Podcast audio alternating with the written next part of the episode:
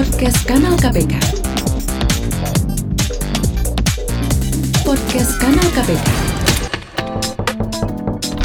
Masuk masuk, selamat datang di ruang tamu.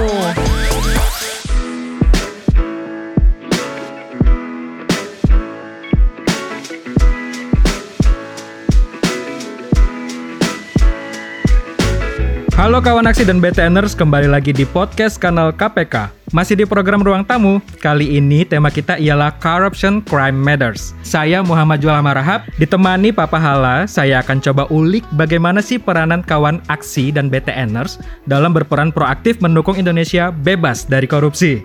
Hai Papa Hala. Selamat pagi. Semangat pagi Papa Hala. Horas Pak. Horas. Uh, saya sangat excited Pak untuk momen ini karena uh, saya yakin nanti setelah saya pulang dari sini atau pada saat kita berkomunikasi, hmm. saya ataupun BTNers yang sedang menyaksikan podcast pada hari ini akan mendapatkan insight yang luas mengenai bagaimana sih sebenarnya peranan dari KPK untuk mendukung Indonesia bebas dari yang namanya pencucian uang khususnya dari tindakan pidana korupsi ataupun gratifikasi ya Pak. Dan uh, first of all kita mau mengucapkan terima kasih Pak uh, for saving time to us karena saya tahu Pak Pahala pasti sangat sibuk sekali ya Pak. Jadwalnya ya, ada di ya. sana, di sini saya juga sering lihat Bapak malang melintang di televisi begitu. Tapi terima kasih Pak sudah menyediakan waktu untuk kita. Oke, okay, Pak Pahala uh, untuk basic question yang akan saya tanyakan Pak. Uh, sebenarnya Pak, pelaku tindak pidana korupsi itu hmm. mungkin ada basic question yang ingin saya tanyakan Pak. Jadi kalau di masyarakat itu mungkin ada aktivitas-aktivitas sehari-hari yang mungkin sebenarnya ini tanpa disadari Pak menjadi cikal bakal perilaku korupsi begitu. Sehingga nanti misalnya ketika dia sudah dewasa, habit-habit ini menjadi karakteristik ataupun watak begitu ya Pak. Jadi pada saat dia sudah menepati posisi, katakanlah Pak sebagai politically exposed person ataupun PEP begitu. Ternyata pada saat dia sudah menduduki posisi tersebut karena watak dan habitnya tadi ini, dia menjadi menetapkan sesuatu hal yang menguntungkan diri sendiri tapi merugikan negara ataupun banyak pihak katakanlah masyarakat seperti yeah, itu. Yeah, yeah. Bagaimana tanggapan Pak Pahala? Kami di KPK percaya setiap orang di Indonesia ini punya peran. Ya. Ya, apalagi dia di BTN, ya. nah, udah pasti perannya beda dan kita mendorong untuk peran yang lebih spesifik hmm. gitu ya. Yang kedua, tidak mungkin kita berperan kalau memang kita sendiri secara pribadi itu ya. tidak punya nilai gitu ya, nilai pribadi, nilai lingkungan, nilai di BTN gitu. Yang nilainya itu nggak nyambung dengan memberantas korupsi. Nih, langsung ke pertanyaannya nih yang ketiga. Ya. Apa sih cikal bakalnya gitu? Saya percaya ya, kalau di lembaga orang tidak bisa membedakan mana barang pribadi, mana barang kantor, itu lembaga bisa dibilang kulturnya udah nggak pas. Okay. Karena kita lihat ini biang yang pertama. Kalau dia tidak merasa bersalah pakai kendaraan dinas untuk pribadi, itu kita bilang dan tidak ada yang menegur yeah. gitu ya udah kultur secara lembaga nih udah punya bibit yang baik karena nanti ini pengalaman nih kalau kalau di KPK itu kita semua kasus penindakan kita dikasih resumenya jadi kita baca nih hmm. apa sih yang bikin dia korupsi yeah.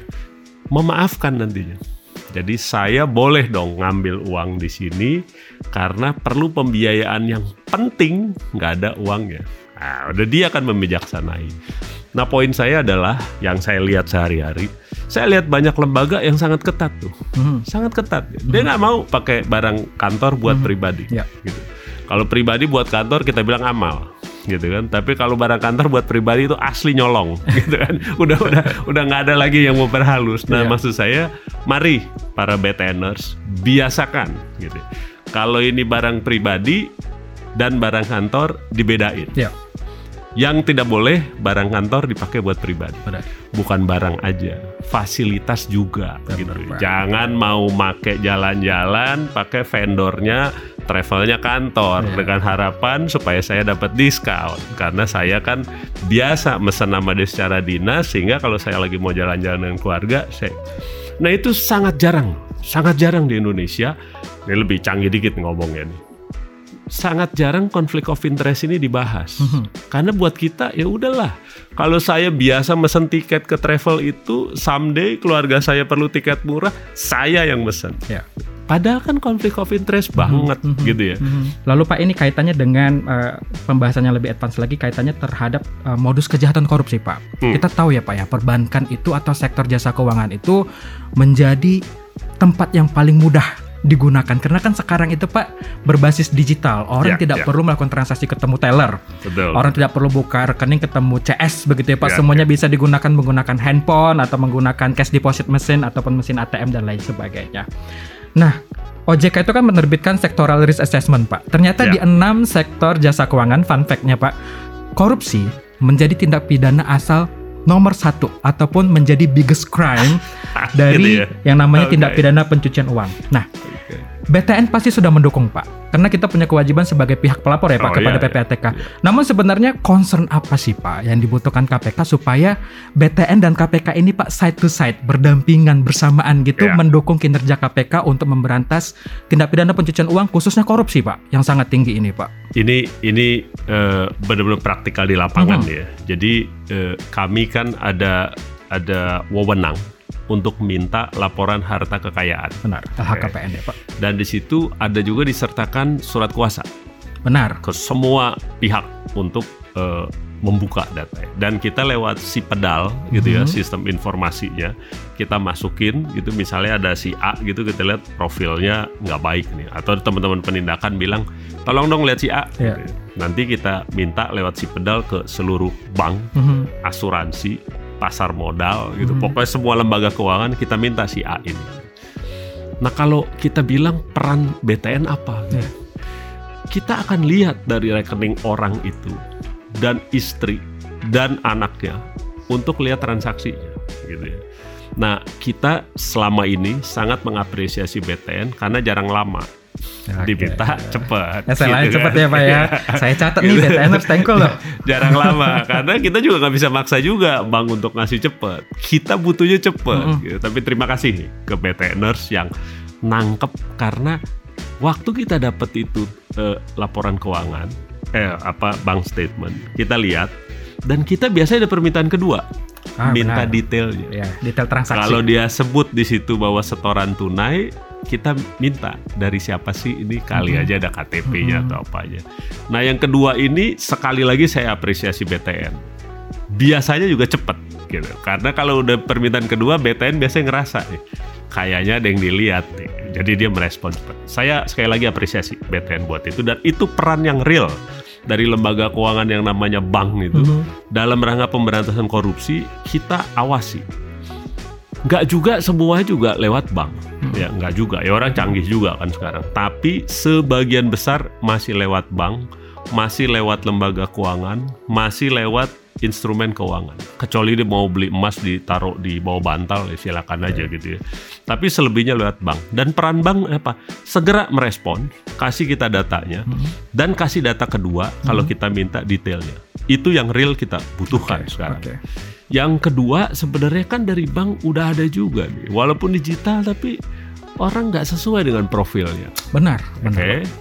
Dilaporin ke PPATK, jangan lupa PPATK juga ngasih juga ke KPK. Ya, Ini orang nggak ada angin nggak ada hujan tiba-tiba kok transaksinya meriah, profil nggak cocok. Nah sama kita, kalau dia uh, uh, PEP gitu mm -hmm. ya, pasti kita lakukan pemeriksaan mm -hmm. LHKPN. Mm -hmm. Jadi uh, kita bilang perannya BTN secara spesifik gitu adalah memberikan data gitu baik yang pertama maupun yang kedua dan seluas mungkin karena dia ada anak uh, istri segala macam gitu walaupun selama ini masih berjalan tapi kita masih sangat gitu ya membutuhkan dari BTN gitu. Mohon BTNers yang terlibat dalam hal ini saya mohon gitu. Mari berantas lewat antara lain kerjasama yang baik ini Benar. gitu ya. Jadi saya saya apresiasi pada saat yang sama semoga terus begini gitu. Karena saya bilang itu sangat penting. Beberapa sesudah kita periksa kita lihat ada transaksi masuk terutama transaksi masuk gitu dan ada data pendukung lagi dari BTN biasanya kan orang-orang pejabat di daerah nih yang suka pakai bank-bank himbara gitu kan.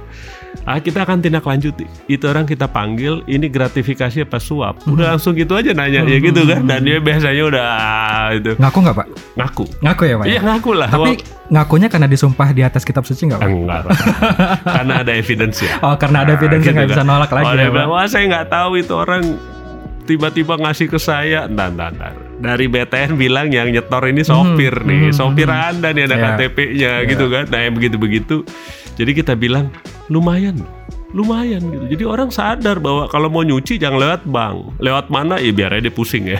Tapi paling nggak dari bank itu mekanisme yang sekarang baik langsung ke KPK maupun ke PPATK PPATK ke KPK itu menurut saya lumayan efektif. Ya. lumayan efektif. Dan sekali lagi BTNers bisa berperan saya selalu eh, mungkin tahun tahun lalu nggak kita lakukan karena karena COVID ya. Tapi setahun sekali kita undang tuh para bank. Saya secara khusus bilang saya apresiasi gitu bantuan Anda untuk memberantas korupsi karena Anda memberikan data. Sambil kita bilang sekali-sekali kita makan siang pakai duit APBN. kan yang bank nggak pernah makan pakai Iya, duit iya, iya, APBN. iya, Pak. Sekali-sekali boleh lah gitu kan biar Iya, iya, iya. biar berasa negara ini juga menghargai Anda. Saya pikir itu. Apresiasi. Ya, baik. Terima kasih Pak Pahala. Jadi saya garis bawahi sebenarnya, ya lakukanlah proses identifikasi, verifikasi terhadap pengguna jasa kita secara komprehensif, lalu mendokumentasikan pelaku transaksi atau pihak terkait dari si PEP khususnya supaya apa pada saat KPK melakukan penyelidikan mereka butuh data sat set sat set kita bisa kasih tapi data yang berkualitas ya Pak Iya. bukan data yang malah akhirnya buat KPK pusing malah jadi nambah PR ya Pak ya Kalau Seperti yang itu. penyidikan Hmm. dia dia memang wajib. Jadi kalau penyidikan saya saya nggak bahas lah. Oke. Kalau yang tadi yang saya ceritain kan yang terkait LHKPN tadi, willingness Pak, ya. gitu ya. Oke. Jadi kalau komit dia akan cepat. Mm-mm. Kalau penyidikan kan diatur dengan Mm-mm. regulasi. Siap, Kalau Pak. gitu nggak masalah. Siap, oke, baik Pak, saya garis bawahi. Oke, Pak Pahala, eh, berarti tadi memang dari eh, tersangka-tersangka atau terdakwa atau yang sedang diperiksa oleh PPATK nanti akan disampaikan kepada eh, KPK, kepada penyidik untuk dilakukan penelusuran Ya. datanya begitu. Lalu dari eh, mungkin dari informasi transaksi atau rimak transaksi baru kelihatan Pak siapa-siapa saja pelaku pelaku yang ini ya Pak ya. Oke baik Em, itu yang harus kita perhatikan bersama agar proses CDD dan IDD dapat terus dilakukan secara komprehensif eh, rekan-rekan BTNers dan kawan aksi di mana pun berada.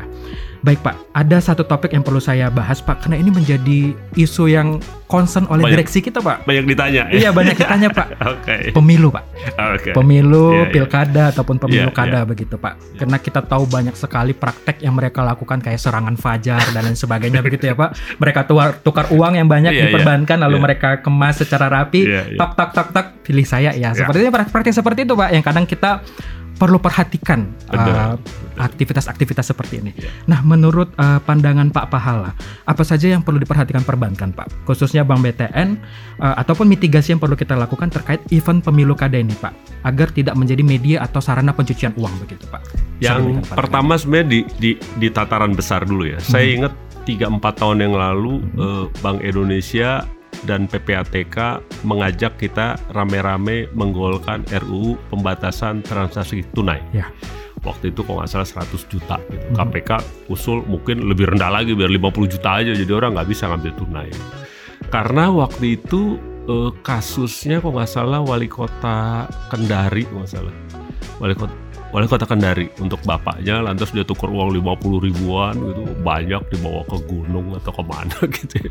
jadi kita bilang gini secara fundamental gitu politik uang itu bisa dicegah Mhm. kalau ada undang-undang pembatasan transaksi tunai yang sampai sekarang kita nggak tahu juga sampai mana pingin sekali gitu itu terjadi. Karena kita bilang siapa juga sih mau angkut uang semiliar gitu ngambil Mhm, cash itu kan? Mhm, susah benar, juga. Siapa Benar, juga yang mau bayar? Saya juga kalau ada orang mau ngasih duit gitu saya pikir ah, enggak deh enggak deh. Susah nyimpennya gitu kan.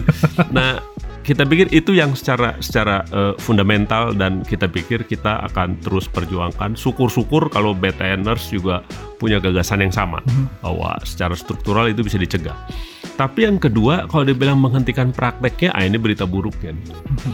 kita itu eh, KPK gitu ya eh, secara spesifik diatur hanya untuk korupsi pemberantasan korupsi jadi tidak untuk pidana pemilu Ah, itu kan serangan fajar sebenarnya itu pidananya pemilu gitu. Okay. Saya selalu ditanya gimana KPK mencegahnya? Ya mencegahnya pembatasan transaksi tunai. Hmm. Ya tapi kenapa nggak ditangkap? Saya bilang gini, analoginya gitu. Hmm.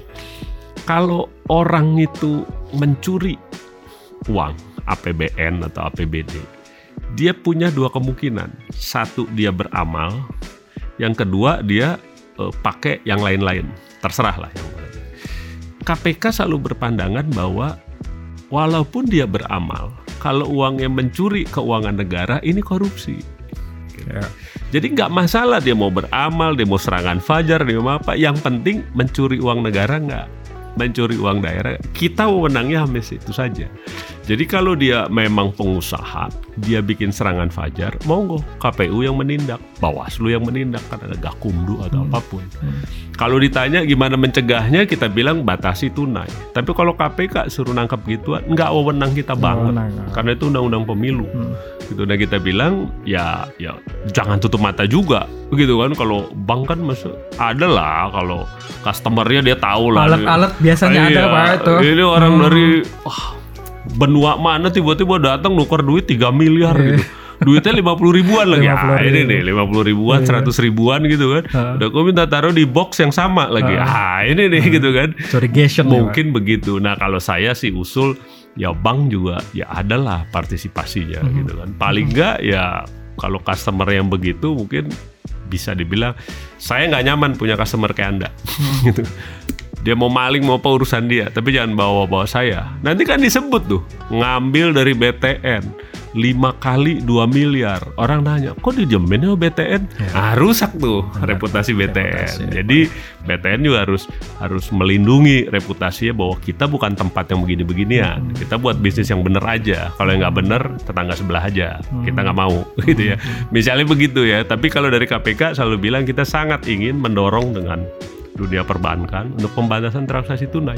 Apalagi udah digital segala macam gitu kan, kenapa juga nggak bisa? Saya pikir itu. Ya, mudah-mudahan ya Pak RUU-nya bisa segera disahkan ya tidak ada kepentingan-kepentingan tertentu. Kenapa itu menjadi susah. lama ya pak ya? Yang ini yang susah. Uh, tapi ya sembari uh, menunggu undang-undang tersebut disahkan jadi BTNers mungkin lebih proaktif dan inisiatif jadi untuk mengenal siapa-siapa saja pelaku transaksinya. Dan jika ada indikasi-indikasi yang transaksi mencurigakan silakan laporkan kepada kita kepada CMGD untuk kita lakukan analisa. Jadi pak sebenarnya dapat kita simpulkan bahwa bukan hanya BTNers, bukan hanya status kita sebagai BTNers, tapi kita bisa menggunakan atribut kita sebagai warga negara Indonesia. Gimana caranya kita bisa bersatu padu untuk mendukung ya. Indonesia ya. terbebas dari praktek-praktek pencucian uang, khususnya korupsi, begitu ya Pak. Nah Pak Pahala, apa pesan yang Bapak bisa sampaikan kepada seluruh BTNers dan kawan aksi yang menyaksikan podcast ini agar dapat aware Pak, sadar dan memahami pentang, pentingnya peranan dari BTNers dan kawan aksi tersebut dalam mencegah korupsi Pak. Saya kalau dibilang kasih pesan enggak. Saya justru mau protes nih ke BTN. Apa Pak? Protesnya apa saya Pak? bilang gini, Anda nggak cukup dengan tidak korupsi di Indonesia. Nggak cukup gitu. Loh saya nggak korupsi apa-apa Pak. Saya bayar pajak bener, Betul. nyolong juga enggak. Nggak cukup. Ya. Nggak cukup. Negara ini butuh lebih dari itu. Gitu. Lebih dari itu. Anda berperan. Kalau bisa kasih pengaduan, pengaduan. Kalau di kerjaan Anda kira-kira BTN rasa ini orang nukar duit segini nih pasti ada yang salah deh. Ya jalanin mekanisme uh, uh, alert itu jalankan gitu. Jadi saya ingin menggugah para BTNers gitu. Dimulai dari diri sendiri, Anda punya peran. Ya. Pasti, nggak usah ditanya gitu. Anda tidak korupsi, tidak cukup. Ya, negara ini butuh lebih dari itu. Gitu. Lebih dari itu. Mau informasi, mau mengadu, mau ngasih tahu gitu kan paling real yaitu sayangi teman, sayangi lembaga, ingatkan kalau dia salah gitu kan. Jangan deh itu urusan dia pak, nggak nggak urusan dia. Nanti kalau sering nih teman anda gini nerima gratifikasi, nanti nasabah bilang, waduh kalau ngurus apa apa BTN, lu nggak bawa apa apa, selesai lu. Dua jam nggak ada yang ngelayanin Lu saya terpengaruh. Mm-hmm. Oh, saya kerja di BTN misalnya mm-hmm. gitu kan. Yeah, benar, Tampaknya sayangi teman Anda itu bukan karena dia individu, bukan. Saya juga harus menjaga reputasi lembaga ini. Ke depan sih saya sangat ingin gitu BTNers itu membentuk kultur sehingga mm-hmm. orang begitu masuk BTN udah berasa udah berasa nih ini kayaknya lembaga yang jangan lu coba nawarin gitu kan apalagi lu mau nyuap kalau udah nggak memenuhi syarat selesai urusan. Kalau dia mengunjungi nasabah untuk ngecek, nggak usah mikir ngasih apa pak, cukup kasih kopi selesai, gitu kan? Oke pak. Nah kalau itu terbentuk, udah bener nih, udah lebih dari yang diharapkan negara. Bukan anda tidak korupsi, lembaga anda tidak korupsi, bukan. Kurang kalau kalau masih ada BTNers mikir gitu saya protes. Saya protes beneran. Kalau dibilang KPK yang bertanggung jawab saya protes lebih keras lagi kita semua bertanggung jawab negara ini udah udah mempermalukan diri sendiri dengan korupsi banyak-banyak kita terhina di mana-mana karena tetap jadi negara miskin dengan potensi yang luar biasa. Nah gimana betulinnya? Saya bertanggung jawab, BTNers bertanggung jawab, kawan aksi bertanggung jawab, kita semua yang mendengar ini bertanggung jawab. Ya. Mari di peran masing-masing aja gitu. Lebih implementatif, lebih real dan kita percaya di generasi sesudah saya nih yeah. selesai nih urusan nih. Yang anak-anak muda terutama nih nih grup apa milenial, generasi Z segala macam. Jangan ikuti dengan saya nih generasi yang kayak gini-gini nih, yang generasi yang susah gitu ya. Nama saya sekarang mari kita berperan. Tanya aja diri sendiri, saya bisa apa? saya pikir itu. Ya baik, terima kasih Pak. Jadi memang untuk uh, peranan dari BTNers ataupun kawan aksi itu diharapkan bisa lebih dari hanya sekedar menggugurkan kewajiban melaksanakan uh, kebijakan-kebijakan yang sudah diatur oleh uh, BTN uh, BTN ataupun misalnya kebijakan yang sudah ditetapkan oleh uh, KPK ataupun aparat penegak hukum lainnya. Jadi kita benar-benar harus proaktif, harus sadar bahwa ini dampaknya bukan hanya saat ini saja loh, tapi dampaknya itu ke masa depan. Apakah nanti anak kita, generasi ya, masa ya. depan kita, dan kaitannya bukan hanya terkait uh, human saja, tapi juga bisa dengan alam ya Pak. Karena sekarang banyak sekali tindak pidana yang berkaitan dengan green financial crime. Betul. Jadi tolong sadar bahwa kita hidup itu bukan hanya untuk hari ini, tapi kita bisa hidup untuk cerita kita di masa depan nanti seperti itu. Pak Pahala, ada banyak sekali sebenarnya yang harus kita bahas, Pak. Uh, tapi waktu juga, Pak, yang akhirnya membuat kita harus mengakhiri uh, podcast pada hari ini, Pak. Uh, tapi saya selalu yakin ada pertemuan, ada perpisahan, tapi kita bisa bertemu lagi, Pak Pahala. Jadi saya harap kolaborasi antara BTN dengan KPK tidak berhenti pada hari ini saja, Pak. Siap. siap bisa janji ya, Pak ya. Oh, Oke, Pak. Kita... Sebagai bukti janji ya, Pak. okay. Ya, kita harap untuk kolaborasi yang selanjutnya. Oke, okay, baiklah BTNers dan uh, kawan aksi, semoga podcast kali ini bisa lebih membuka pikiran kita untuk lebih terjun aktif mendukung Indonesia terbebas dari gerakan uh, pencucian uang, uh, khususnya korupsi ya, ataupun yang terjadi di tindak pidana perbankan. Semoga melalui apa yang sudah saya dan Pak Pahala bahas itu bisa membuat kita lebih sadar bahwa kita itu memiliki peranan lebih dan penting demi Indonesia ataupun negara kesatuan Republik Indonesia yang tercinta. Sekian podcast kanal KPK, saya Zulham pamit. Sampai jumpa di ruang tamu selanjutnya. Salam anti korupsi.